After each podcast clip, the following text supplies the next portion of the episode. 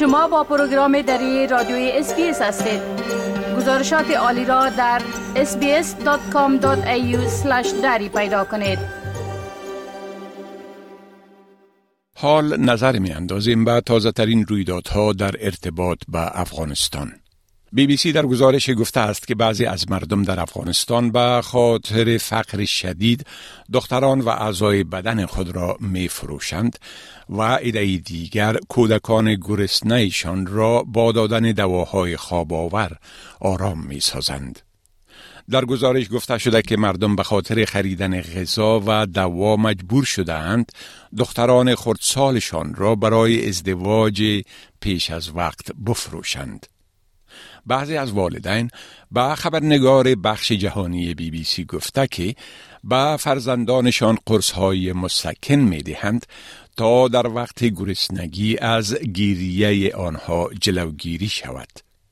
دکتران می‌گویند که اگر این گونه دواهای مسکن به اطفال خردسالی که غذای کافی نمی‌خورند داده شود می تواند باعث خرابی گرده و مشکلات فراوان دیگر مانند خستگی مزمن، اختلالات خواب و غیره شود.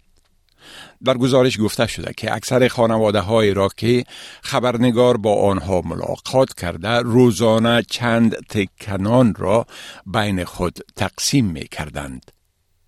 یک زن گفت که صبحها نان خشک را می خورند که شب آن را در آب فرو می برند تا مرتوب شود. سازمان ملل متحد گفته که آنچی در افغانستان می گذرد یک فاجعه بشری است. زمانی که طالبان در ماه آگست سال گذشته میلادی قدرت را به دست گرفتند کمک های خارجی به افغانستان متوقف و ذخایر ارزیش در خارج مسدود شد که این امر باعث فروپاشی اقتصادی در آن کشور گردیده است. فقر باعث شده که خانواده ها برای نجات از گرسنگی به اقدامات غیر عادی دست بزنند.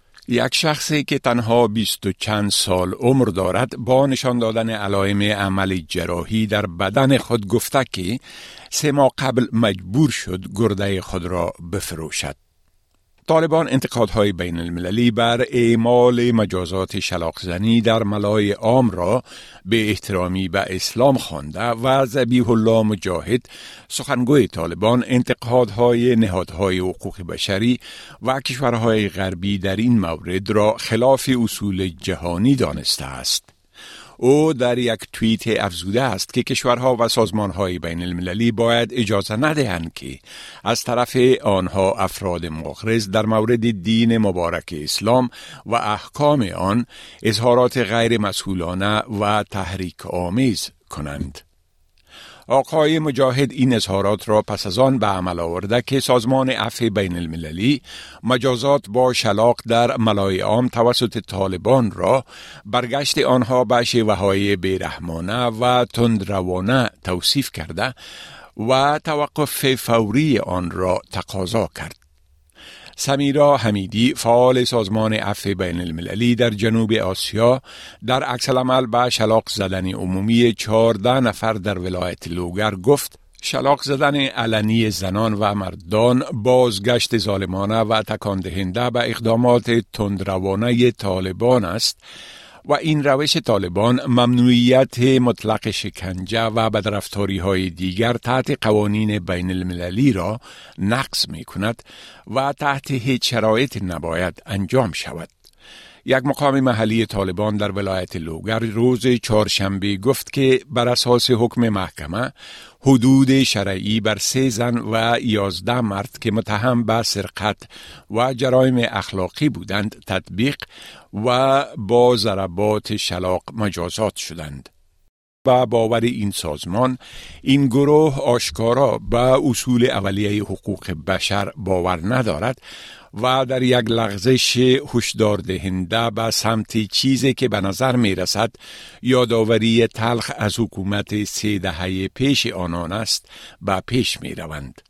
این سازمان تاکید کرده که مجازات های ظالمانه تنها گامی دیگر در قانونی ساختن اعمال غیر انسانی توسط سیستم قضایی ظالمانه طالبان است و به اعتنایی کامل مقامات رسمی حکومت این گروه را به قوانین بین المللی حقوق بشر نشان می دهد. به تعقیب فرمان هبت الله آخونزاده رهبر طالبان در ارتباط به تعمیل مجازات شرعی در چند هفته گذشته چندین مورد شلاق زدن در ملای عام در شهرهای مختلف به حکم محاکم طالبان انجام شده که این امر با عکس العمل گسترده بین المللی مواجه گردیده است. و بالاخره متخصصین ملل متحد گفتند که محدودیت هایی را که طالبان بر زنان و دختران افغانستان تعمیل کرده جنایت علیه بشریت تلقی شده می تواند. ریچارد بنت گزارشگر خاص حقوق بشر ملل متحد برای افغانستان و ایده از متخصصین دیگر این سازمان دیروز که با روز بین المللی امهای خشونت علیه زنان مصادف بود گفتند که طالبان حقوق و آزادی های انسانی زنان افغان را محدود ساخته و ممکن این کار جنایت علیه بشریت دانسته شود.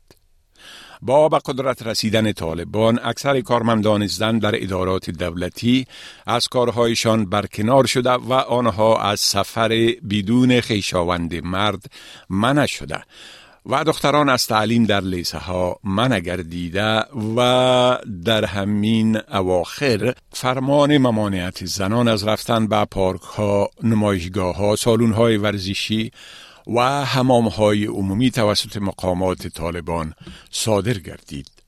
طبق یک گزارش بی بی سی متخصصین ملل متحد در بیانیه گفتند که در ماهای اخیر نقص حقوق و آزادی های اساسی زنان و دختران در افغانستان که در حال حاضر شدیدترین و غیر قابل قبولترین در جهان است به شدت افزایش یافته است. بیانیه افزوده که حبس کردن زنان در خانه هایشان مادل زندانی ساختن است و احتمالا منجر به افزایش سطح خشونت خانوادگی و چالش های صحت روانی آنها خواهد شد. بپسندید، شریک سازید و نظر دهید. اسپیس دری را در فیسبوک تعقیب کنید.